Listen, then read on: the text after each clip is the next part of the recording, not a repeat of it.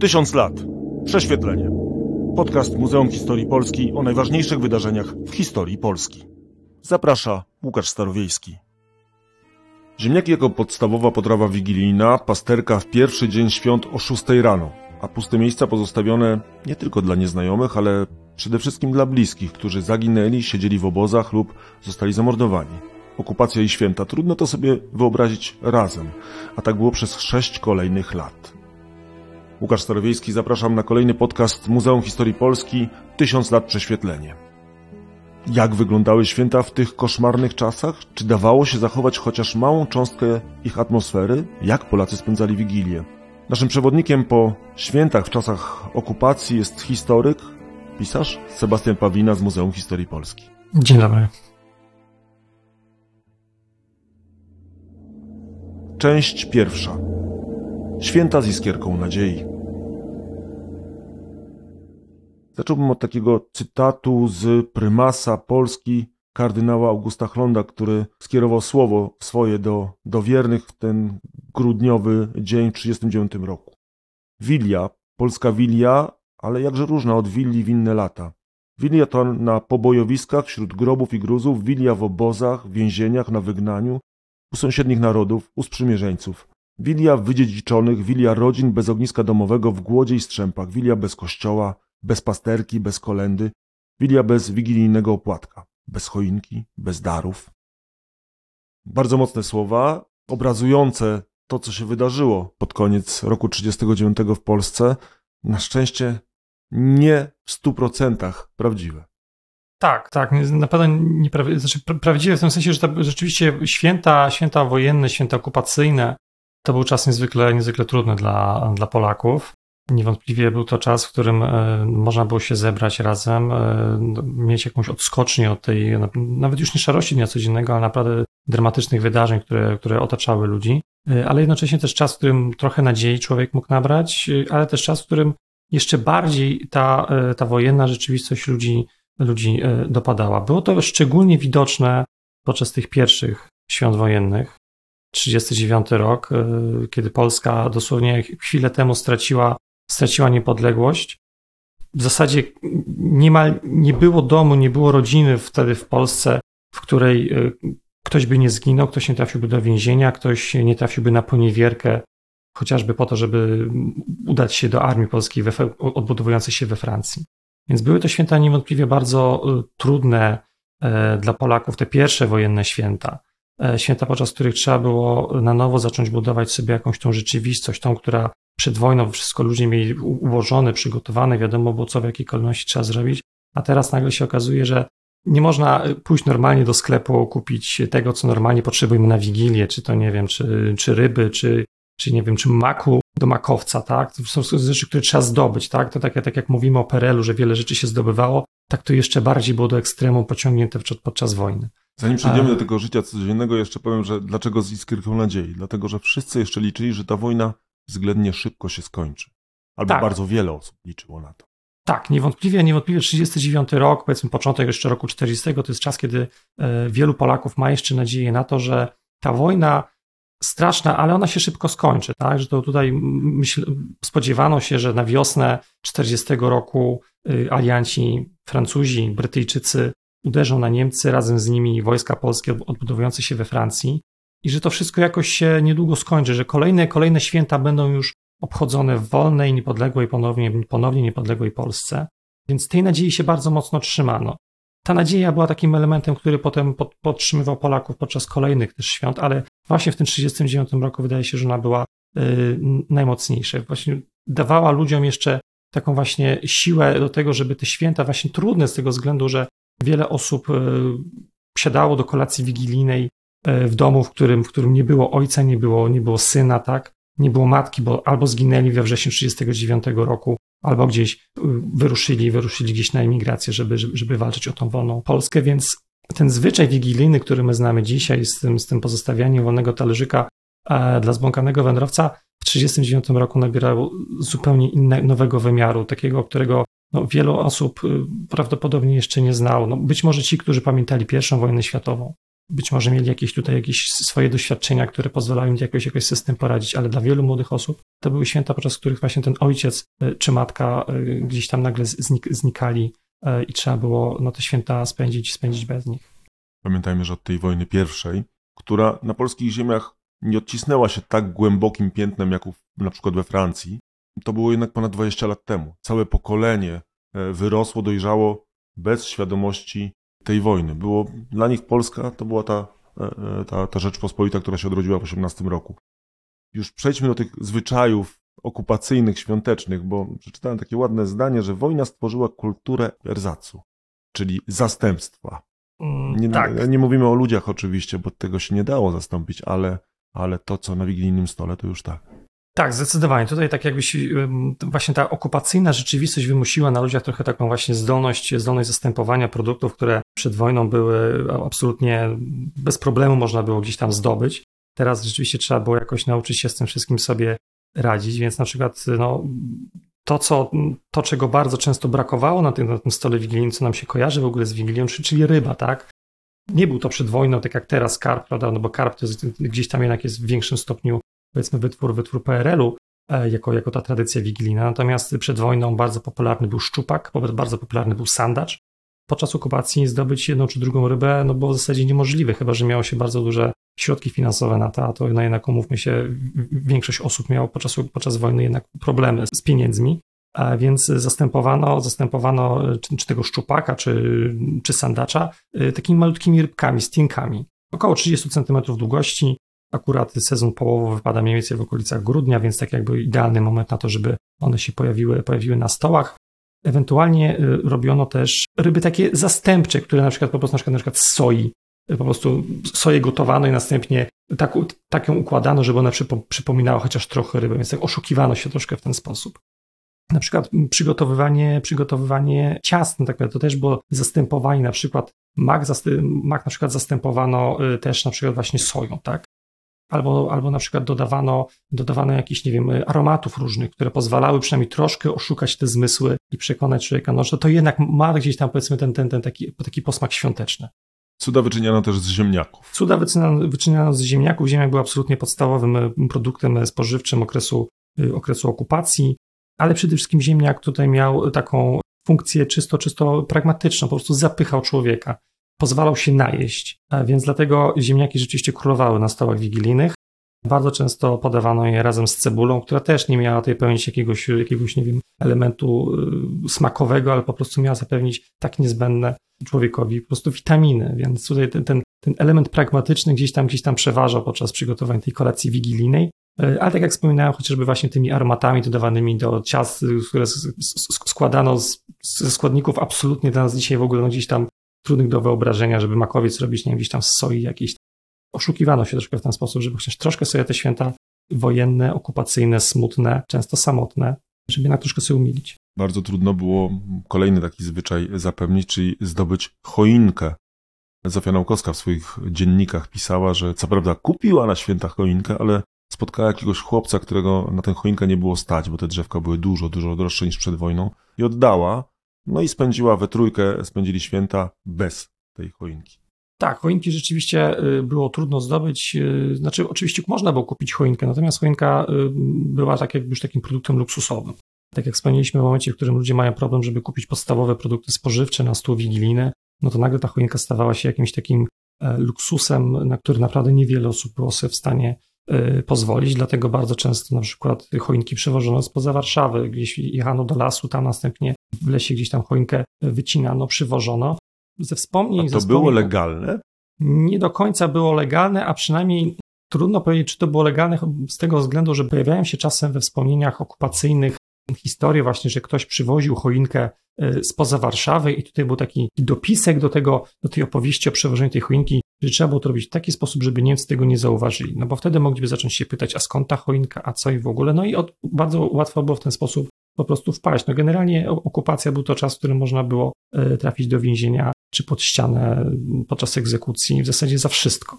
Więc nawet śmiano się, że powyżej, e, że tak jakby ludzi interesują kary tylko powyżej kary śmierci.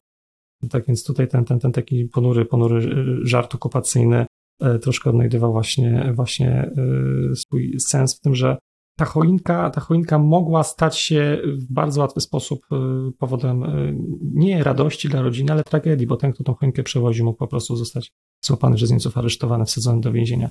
To pokazuje, jak nasze myślenie dzisiaj o przygotowywaniu świąt wtedy w ogóle nie miało żadnego, y, żadnego odbicia w, w tamtej rzeczywistości. Tak? Wtedy zupełnie inne wartości grały rolę. Chociażby właśnie to, żeby być po prostu razem, tak? Więc to bycie razem naprawdę, naprawdę miało bardzo duże znaczenie dla ludzi. No to dzisiaj na szczęście e, ma, więc tak, pod tym względem tak, święta pod się nie względem tak, natomiast rzeczywiście czas okupacyjny jeszcze bardziej ludzi do siebie przyciągał, mam takie wrażenie. E, bardzo częstym takim właśnie też elementem w, w, tych wspomnieniach okupacyjnych są wspomnienia właśnie, że ludzie w kamienicy po prostu spotykali się w jednym mieszkaniu, nie wiem, kilka, z, kilku mieszkań, tak, żeby po prostu pobyć razem. Bo na przykład rodzina, która mieszkała razem, wiedziała, że ma nad sobą sąsiada, który na przykład stracił, nie wiem, żonę albo sąsiadkę, która straciła męża i siedzi teraz, y, siedzą teraz samotni przy tym, przy tym stole, więc zapraszano tych ludzi.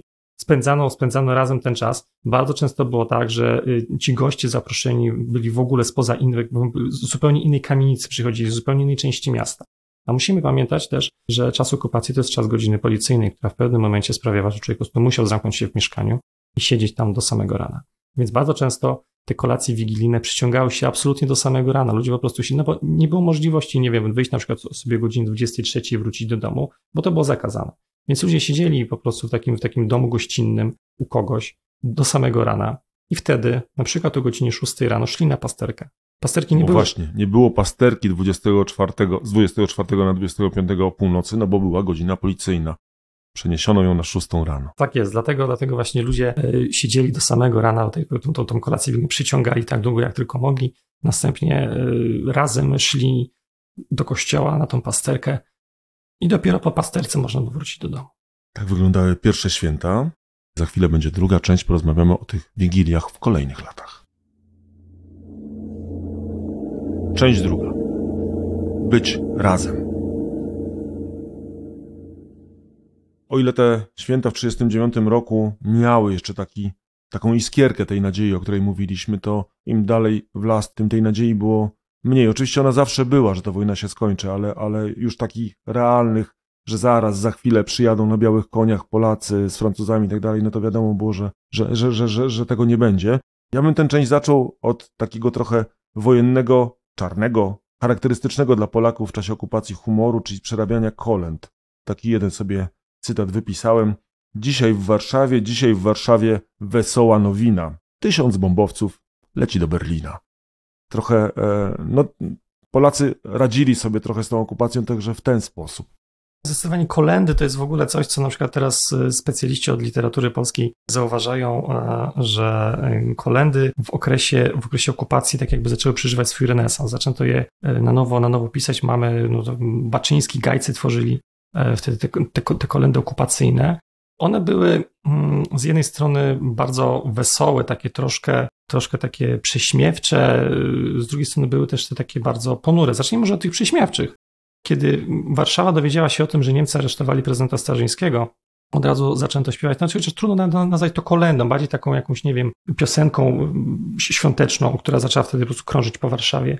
Zabraliście Starzyńskiego, warszawskiego prezydenta, Hitlera w drugie święta. W ten sposób starano się troszkę właśnie sobie jakoś oswoić tą, tą, tą, tą okupację. Tak? Starano się przez ten humor poradzić sobie z tym, co, co ludzi na, na co dzień na ulicach spotykało.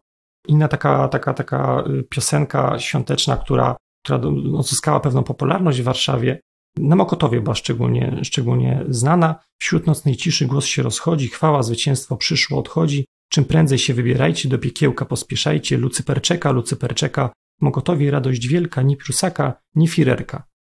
Natomiast były też te y, bardzo ponure, wyrastające trochę z tego, z tego, tego narastającego przeświadczenia o tym, że tak naprawdę ludzi już nic dobrego nie czeka, że, że ta wojna zakończy się jedną wielką tragedią, że Polska i Polacy po prostu znikną ze świata.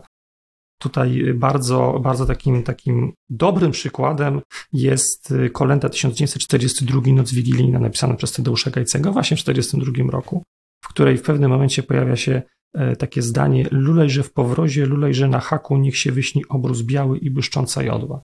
No tutaj to lulejże w powrozie na haku, no to już od razu pokazuje nastrój, który ta kolenda nam buduje. Ta literatura pokazywała te nastroje, które z każdym rokiem były coraz były coraz trudniejsze, bo tak jak rzeczywiście mówiliśmy, ta pierwsza okupacyjna Wigilia, te pierwsze okupacyjne święta były smutne, no bo wiadomo, wojna, bo wiele, wiele osób potraciło członków swoich rodzin, ale jednocześnie były pełne nadziei. Natomiast każde kolejne święta y, były tej nadziei w coraz większym stopniu już pozbawione. Doświadczanie łapanek, doświadczanie wywózek do obozów, więzienia, terror niemiecki, który z każdym rokiem przybierał na sile, to sprawiało, że ludzie po prostu mieli w sobie coraz mniej tej nadziei, coraz mniej siły na to, żeby w ogóle myśleć o tym, że może ich jeszcze coś, cokolwiek dobrego spotkać. To było dociągane do takiego ekstremum, że w roku 42, 43, zwłaszcza w 43, zaczęto, zaczęto się, ludzie cieszyli się, że podczas świąt Niemcy nie przeprowadzają żadnych łapanek, ani nie przeprowadzają żadnych egzekucji publicznych, no bo gdzieś tam egzekucje, na przykład no w Warszawie, w ruinach getta, y, były przeprowadzane bez, bez, bez świadomości warszawiaków.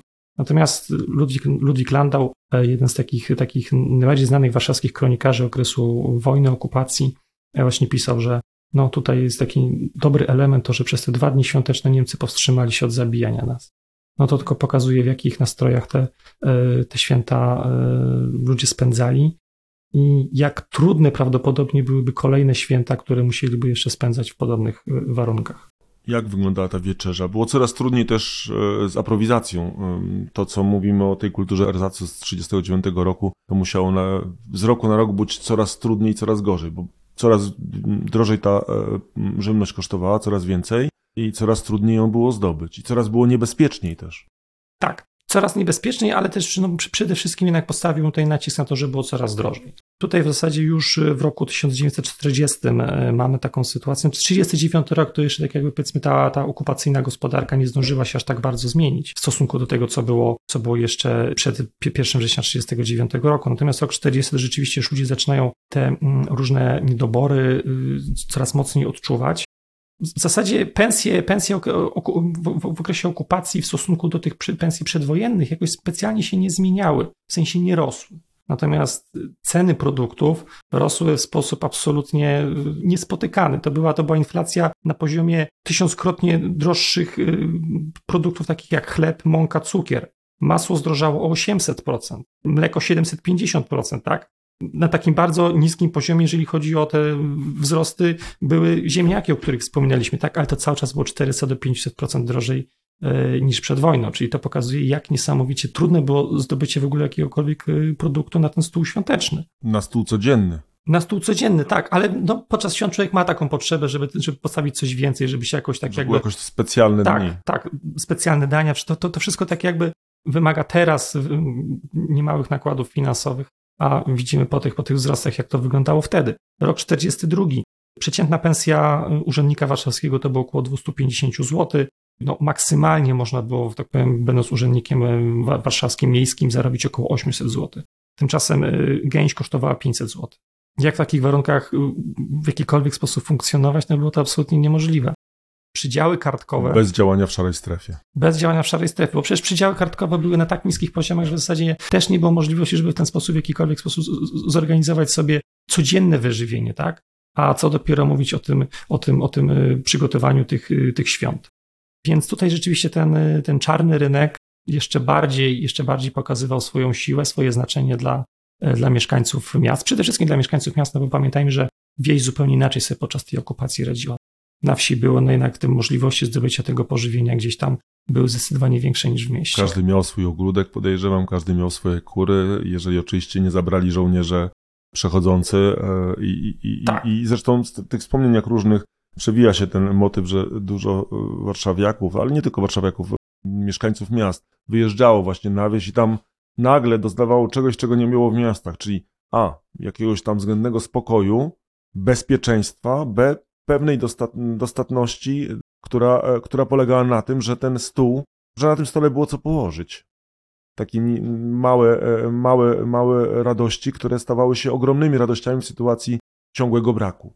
To prawda, to prawda. Zdecydowanie tak jakby to, żeby było co położyć na tym stole, było dla ludzi, e, było dla ludzi bardzo ważne. Miało też taki trochę wymiar trochę takiego oporu wobec, wobec y, okupanta, który... Nie damy się złamać. Tak jest, nie damy się złamać, pomimo tego, że y, Niemcy robią wszystko, żeby nam utrudnić codzienne życie, to my jednak podczas tych świąt no, spróbujemy je spędzić jakoś tak, żeby, no, poczuć chociaż przez moment odrobinę, odrobinę lepiej. Widać to bardzo dobrze przez działalność różnych takich stowarzyszeń społecznych, które gdzieś tam starały się jakieś kon konkretne grupy społeczne, na przykład, no nie wiem, czy, czy zawodowe, na przykład aktorzy, literaci, organizowali sobie swoje, swoje jakieś takie właśnie koła zawodowe, które starały się wspomóc tych po prostu członków swoich tych środowisk w tym, żeby te święta jakoś mu, można było przeżyć w taki sposób, no chociaż odrobinę szczęśliwy, tak? Już w 1939 roku w Warszawie założono ognisko aktorów polskich, które y, no, starało się robić wszystko, co tylko możliwe, żeby przede wszystkim na co dzień wykarmić y, członków swojego środowiska, tak? Zorganizowano stołówkę, na której za 40 groszy można było zjeść sobie y, obiad. Już, już w, ciągu, w ciągu miesiąca zgromadzono tam około 100 osób, które pobierały w ten sposób posiłki. Ale także organizowano święta poprzez, poprzez różne organizacje, takie jak na przykład wiem, Rada Główna Opiekuńcza, czy na przykład Urząd Miejski. Zdobywano dotacje, zdobywano różne, różne produkty spożywcze, od, chociażby od firm prywatnych. Firma Bracia Pakulscy, bardzo znana w Warszawie przedwojennej, ale także w Warszawie tej, tej, tej, tej okupacyjnej, dostarczyła na przykład mąkę, kaszę perłową, cukier, wedel dostarczył, dostarczył tam kilka, kilka worków cukru już podczas pierwszych, podczas pierwszych świąt. Dzięki temu można było jakoś zorganizować tą kolację dla tych, dla tych wigilijną, dla tych A były jeszcze aktorów. też jakieś inne akcje, nie tylko aktorów, takie, takie właśnie takich kolacji charytatywnych? Y, tak, na przykład, na przykład środowiska literackie w ten sposób też sobie y, pomagały. Tak? Te, te, takich różnych akcji, takich różnych środowisk, które w ten sposób sobie pomagały, było naprawdę sporo. O wielu z nich już niczego, niczego się nie dowiemy, ponieważ tak jakby nie zostały, nie pozostały po nich żadne ślady. Ale na przykład też y, osoby prywatne starały się w ten sposób organizować święta. Halina, Halina Regulska, żona Janusza Regulskiego, komendanta Straży, Straży Obywatelskiej we wrześniu 1939 roku w Warszawie w czasie okupacji organizowała y, środowisko profesorów, którzy zostali przesiedleni do Warszawy z Poznania, którzy założyli znany Uniwersytet Ziem Zachodnich. Ona pomagała właśnie trochę się nabyć jakiegoś takiego elementu codzienności w tym, w, tym, w tym mieście, którego przecież nie znali. Więc organizowała dla nich właśnie różne kolacje, organizowała dla nich święta. Te święta, widać to po jej, po jej wspomnieniach, z, z, każdym rokiem były coraz trudniejsze. Moi sobie po prostu coraz bardziej zdawali sprawę z tego, że sytuacja jest coraz, coraz gorsza. Ich nastroje były coraz, coraz, coraz gorsze. Natomiast no, starano się w ten sposób jakoś po prostu być razem. Tak? To bycie razem to jest coś, o czym już wspominaliśmy, ale myślę, że to jest y, element, na który naprawdę warto położyć nacisk, bo wtedy rzeczywiście y, ludzie z całą mocą rozumieli, co to znaczy być razem. Tu postawimy kropkę, jeśli chodzi o drugą część. Za chwilę porozmawiamy o tym, jak spędzali święta ci, którzy w tym domu rodzinnym być po prostu nie mogli. Część trzecia. Święta na poniewierce. Sporo tych grup różnych można by wymieniać, e, bo to są, dotyczy to i tych żołnierzy, którzy e, walczyli na zachodnim froncie, na, poszli na emigrację, ale to, to są często partyzanci. Niektórzy wracali do domów dla święta, wielu spędzało je w lesie. Nie możemy zapomnieć też o tysiącach osób e, w różnych więzieniach, dziesiątkach tysięcy osób. Tych wątków i, i z różnych historii jest, są tysiące oczywiście. Spróbujemy może opowiedzieć o kilku z nich. Ja bym zaczął od takiego cytatu Józefa Czapskiego. We wspomnieniach publikowanych e, pisze tak. Starobielsk, ulica Lwowska, to znaczy długie, wąskie przejście między piętrowymi barakami w drewnianym przez nas wybudowanym baraku numer 21, zastawione wąskim stołem pokrytym obrusem, malutkie, ukradzione drzewko. Każdy ma przed sobą zdobytą tajemniczo przez organizatorów uczty bułkę i kilka cukierków. Mamy prawdziwy opłatek i wszystkie baraki huczą i szumią od nieprzerwanie śpiewanych kolęd. Tak opisywał właśnie w takim więzieniu e, tę wigilię Józef Czapski, sławny malarz, ale też więzień właśnie Starobielska. Ten element, ten element właśnie takiej, tej takiej kolacji składkowej jest, mam wrażenie, szczególnie, szczególnie widoczny właśnie w tych opowieściach Polaków, którzy no, spędzali te święta poza domem na poniewierce, tak, zarówno od właśnie tych żołnierzy, na przykład polskich sił zbrojnych gdzieś tam y, na Bliskim Wschodzie, czy potem we Włoszech, ale też tych Polaków, którzy na przykład byli wyrzucani z swoich domów przez Rosjan i wywożeni daleko na, daleko na wschód. To jest rzeczywiście, rzeczywiście, no, te opowieści mają mm, taki szczególny wymiar, bo o ile mówiąc o tych opowieściach okupacyjnych, y, no, mamy tak, no, mamy tą, tą przynajmniej tyle dobrego dla tych ludzi było, że oni te święta spędzali w swoim domu, tak? w domu, w którym się wychowali, w którym się czasem urodzili, z którym mieli naprawdę sporo dobrych wspomnień. I z częścią tak? swoich bliskich. Z częścią swoich bliskich. Czuli się, tak, czuli się, czuli się dzięki temu, czuli się dzięki temu jakiś tam właśnie sposób troszkę może mocniejsi. Natomiast ci wszyscy, którzy zostali przez tą wojnę wyrzuceni poza granice kraju, w ich wspomnieniach bardzo często właśnie widać ten element takiego braku, braku tego domu, właśnie, że mieli to poczucie, że oni są daleko od swoich bliskich, daleko od swojego domu, daleko od miejsc, w których spędzali młodość, z którymi mają mnóstwo dobrych wspomnień. Ale na przykład, y, jeżeli mówimy o żołnierzach polskich sił zbrojnych, którzy byli czy to na Bliskim Wschodzie, czy we Włoszech u Andersa, czy nie wiem, na przykład żołnierzy pierwszej dywizji pancernej, którzy spędzali święta 44 y, roku na przykład y, na terenie, na terenie Holandii, tak? Czy wcześniej jeszcze, zanim się rozpoczęła dla nich kampania w Europie, w Szkocji. Oni mieli tą świadomość, że mają o tyle lepiej od swoich, od swoich rodaków w kraju, że oni spędzają to wolni. Nie ma Niemca, który, który na ulicy patroluje i jeżeli wyjdą na ulicę, to od razu ich aresztuje albo wręcz od razu zastrzeli. Nie ma gestapowców, którzy wejdą im do domu, przerwą kolację wigilijną. Ta świadomość, że mogą te święta spędzać no, w miarę spokojnie, była dla nich, y, była dla nich bardzo ważna.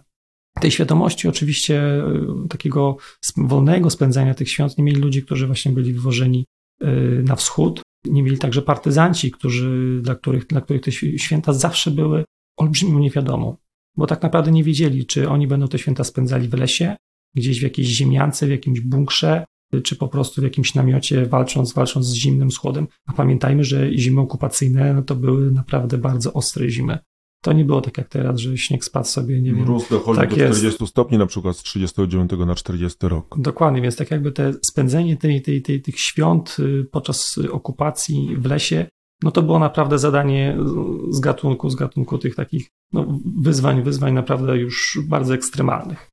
Tak więc no, wielu partyzantów y, było, wyjeżdżało na święta do domów, tak? no to pokazuje tak jakby jaka była potrzeba w ogóle, żeby, żeby wrócić do tego domu. To, to, partyzanci to byli bardzo często ludzie, którzy w lesie znaleźli się, ponieważ w mieście byli zagrożeni, ponieważ Niemcy ich szukali, e, więc wiedzieli, że przebywanie dłużej w mieście może dla nich się po prostu skończyć aresztowaniem, dlatego wjeżdżali właśnie do partyzantki, a jednak na te święta wracali do domu, wiedząc, że co im może grozić, jeżeli zostaną, zostaną przez Niemców złapani. Tęsknota, takie poczucie spędzenia chociaż chwili z bliskimi była silniejsza niż e, tak. strach przed, e, przed aresztowaniem czy tak, śmiercią. Tak, absolutnie. Zresztą, zresztą no to jest właśnie tak, że mówiąc o tych, o, o tych opowieściach y, świątecznych, świąteczno-wojennych, mówimy o różnych nastrojach, o różnych emocjach, które towarzyszyły ludziom, że z jednej strony była, była nadzieja, z drugiej strony był smutek spowodowany stratą bliskich. Tak samo mówiąc o żołnierzach na przykład polskich sił zbrojnych. No tutaj możemy mówić tak, że z jednej strony no owszem, e, mieli to poczucie, że oni spędzają święta e, rzeczywiście bezpieczni, tak, że nic im, że nic im specjalnie nie grozi, tak, chociaż wiadomo, na froncie to też różnie bywa, więc, więc, więc bywało też tak, że po prostu święta na froncie spędzano, spędzano w, walce. Natomiast, natomiast to, to, czego na przykład brakowało tym, że to właśnie ta obecność tej rodziny, tak jak mówiliśmy, tęsknota za domem, brak rodziny, to, to, to jest właśnie taki element, wydaje się, dominujący jednak chyba w ich wspomnieniach bardzo by chcieli jednak wrócić do tego domu i bardzo i bardzo y, marzyli o tym, żeby kolejne święta to były święta spędzone już w domu, z rodziną, w wolnej, niepodległej Polsce. I to jest element, który jest elementem wspólnym dla prasy, zarówno tej tajnej, podziemnej y, w okupowanej Polsce, jak i tej prasy, która wychodziła, wychodziła na przykład na zachodzie, w Wojsku Polskim. Że życzono zawsze tego właśnie, żeby kolejne święta były spędzone już w wolnej Polsce. Ta wolna Polska by, by, była tym marzeniem, które podtrzymywało ludzi podczas każdych kolejnych świąt. Ale to jest jeszcze, jeżeli mówimy o tych życzeniach, to jest jeszcze jeden taki element, element, który y, na poziomie języka, który warto sobie, warto sobie uświadomić. Otóż y, wspominany już Ludwik Landau pisał w, w, swoich, w swojej, swojej kronice, że podczas wojny zmieniło się, zmienił się sposób y, składania życzeń. Już nie życzono sobie wesołych świąt. Wesołe święta to nie pasowało do tej rzeczywistości, która ich otaczała. Życzono sobie świąt spokojnych, bo ten spokój to było coś, czego ludziom na, najbardziej brakowało wtedy. Pomijając oczywiście to, że nie było bliskich, że człowiek był zagrożony. Właśnie ten spokój, spokój taki ducha, spokój emocji, to było coś, co, czego ludzie bardzo potrzebowali podczas tych, tych świąt. To zresztą wyziera z wielu tych relacji e, e, wojennych ze świąt, że, że tak naprawdę wszyscy podkreślali to, że mogli, siedzieli przy stole, rozmawiali i był taki spokój, ciepło, e, ciepło tego, tej grupy, która się zgromadziła przy stole w różnych konstelacjach i spokój. Że właśnie ten dzień nie muszę się martwić, nie chcę się martwić, odkładam te zmartwienia. Ten dzień, ten jedyny dzień, po prostu siedzę i, i chłonę atmosferę. Czuję ten, ten, ten moment spokoju. Tak to mniej więcej wyglądało. Ja chciałem jeszcze na koniec opowiedzieć, właściwie przytoczyć cytat e, tego, jak spędzano na przykład w celach Pawiaka e, święta. Mamy taką relację dziennikarza Sławomira Dunina Borkowskiego, który spędzał Wigilię z wieloma czołowymi przedstawicielami polskiego życia intelektualnego, e, bo jest niezwykła. W celi profesorskiej wygłoszono 24 przemówienia. Tyle, ilu było czuwających. Dziekan Rady Adwokackiej, Leon Nowodworski, mówił o wolności sumienia. Profesor Edward Lot o wolności słowa. Inni o innych wolnościach składających się na wizję powojennej Rzeczpospolitej, gdzieś z daleka świtającą za kratami więzienia przez te najczarniejsze mroki niewoli, niepewności i tęsknoty. To jest taka e, jeszcze jedna historia Wigilii, której chyba my nie jesteśmy sobie w ogóle w stanie wyobrazić. Tak, absolutnie. Wydaje mi się, że tak jakby opowiadanie o tych, o tych historiach y, właśnie w okresie świątecznym ma jeszcze to, to, to znaczenie, że sobie my jesteśmy w stanie sobie uświadomić, ile mam szczęścia dzisiaj tak naprawdę. Jak już mówimy o tym, o tym pawiaku, to jeszcze sobie teraz, teraz, teraz przypominam sobie taką e, jedną z opowieści też jednego z, jednego z więźniów, tak zwanych więźniów funkcyjnych e, z pawiaka. Bodajże Leon Wanat e, opowiadał, który był pisarzem przez długi czas na pawiaku, że podczas, podczas świąt, znaczy w ogóle w więzieniu, w więzieniu czas, człowiek zatraca czas nie ma świadomości tych, tych upływających dni. I o tym, że zbliżają się święta, bardzo często zdawano sobie sprawę w momencie, w którym zaczęły y, nagle przychodzić do więzienia paczki żywnościowe, bo Niemcy wtedy po prostu pozwalali na to, żeby te paczki w większej ilości przychodziły niż normalnie. Ale także e, rzecz, rzecz absolutnie niesamowita, coś, co, co dla, dla tych więźniów, bo wtedy rzeczywiście takim niesamowitym powodem do radości, że Niemcy otwierali cele, pozwa, pozwalali więźniom się ze sobą kontaktować i śpiewać razem kolendy. I to było coś, co ludzi, którzy na przykład na Pawiaku wtedy właśnie siedzieli, generalnie no, mogli spodziewać się wszystkiego, bo na Pawiaku w zasadzie każdego kolejnego dnia mogła być zasadzie zorganizowana wywózka do obozu koncentracyjnego, a tam już nie wiadomo, co by człowieka czekało. I ten właśnie ta możliwość pośpiewania tych kolęd wspólnie z ludźmi, z, których, z którymi się człowiek, tak powiem, no, złączył w taki, taki dość dziwny sposób, którego no, na pewno by nikt nie zakładał, że można było w tym pośpiewać te kolendy, pobyć razem, to sprawiało, że te święta jakoś można było, nawet, nawet spędzone w więzieniu, można było jakoś lepiej znieść. I tu zakończymy naszą rozmowę o świętach w tych absolutnie koszmarnych czasach. Świętach, które przynosiły mimo wszystko jakąś nadzieję dla tysięcy ludzi. Moim gościem, przewodnikiem po okupacji, świętach czasach okupacji był historyk, pisarz Sebastian Pawlina z Muzeum Historii Polski. Dziękuję. Dziękuję. E, I to wszystko w dzisiejszym podcaście Tysiąc lat prześwietlenie.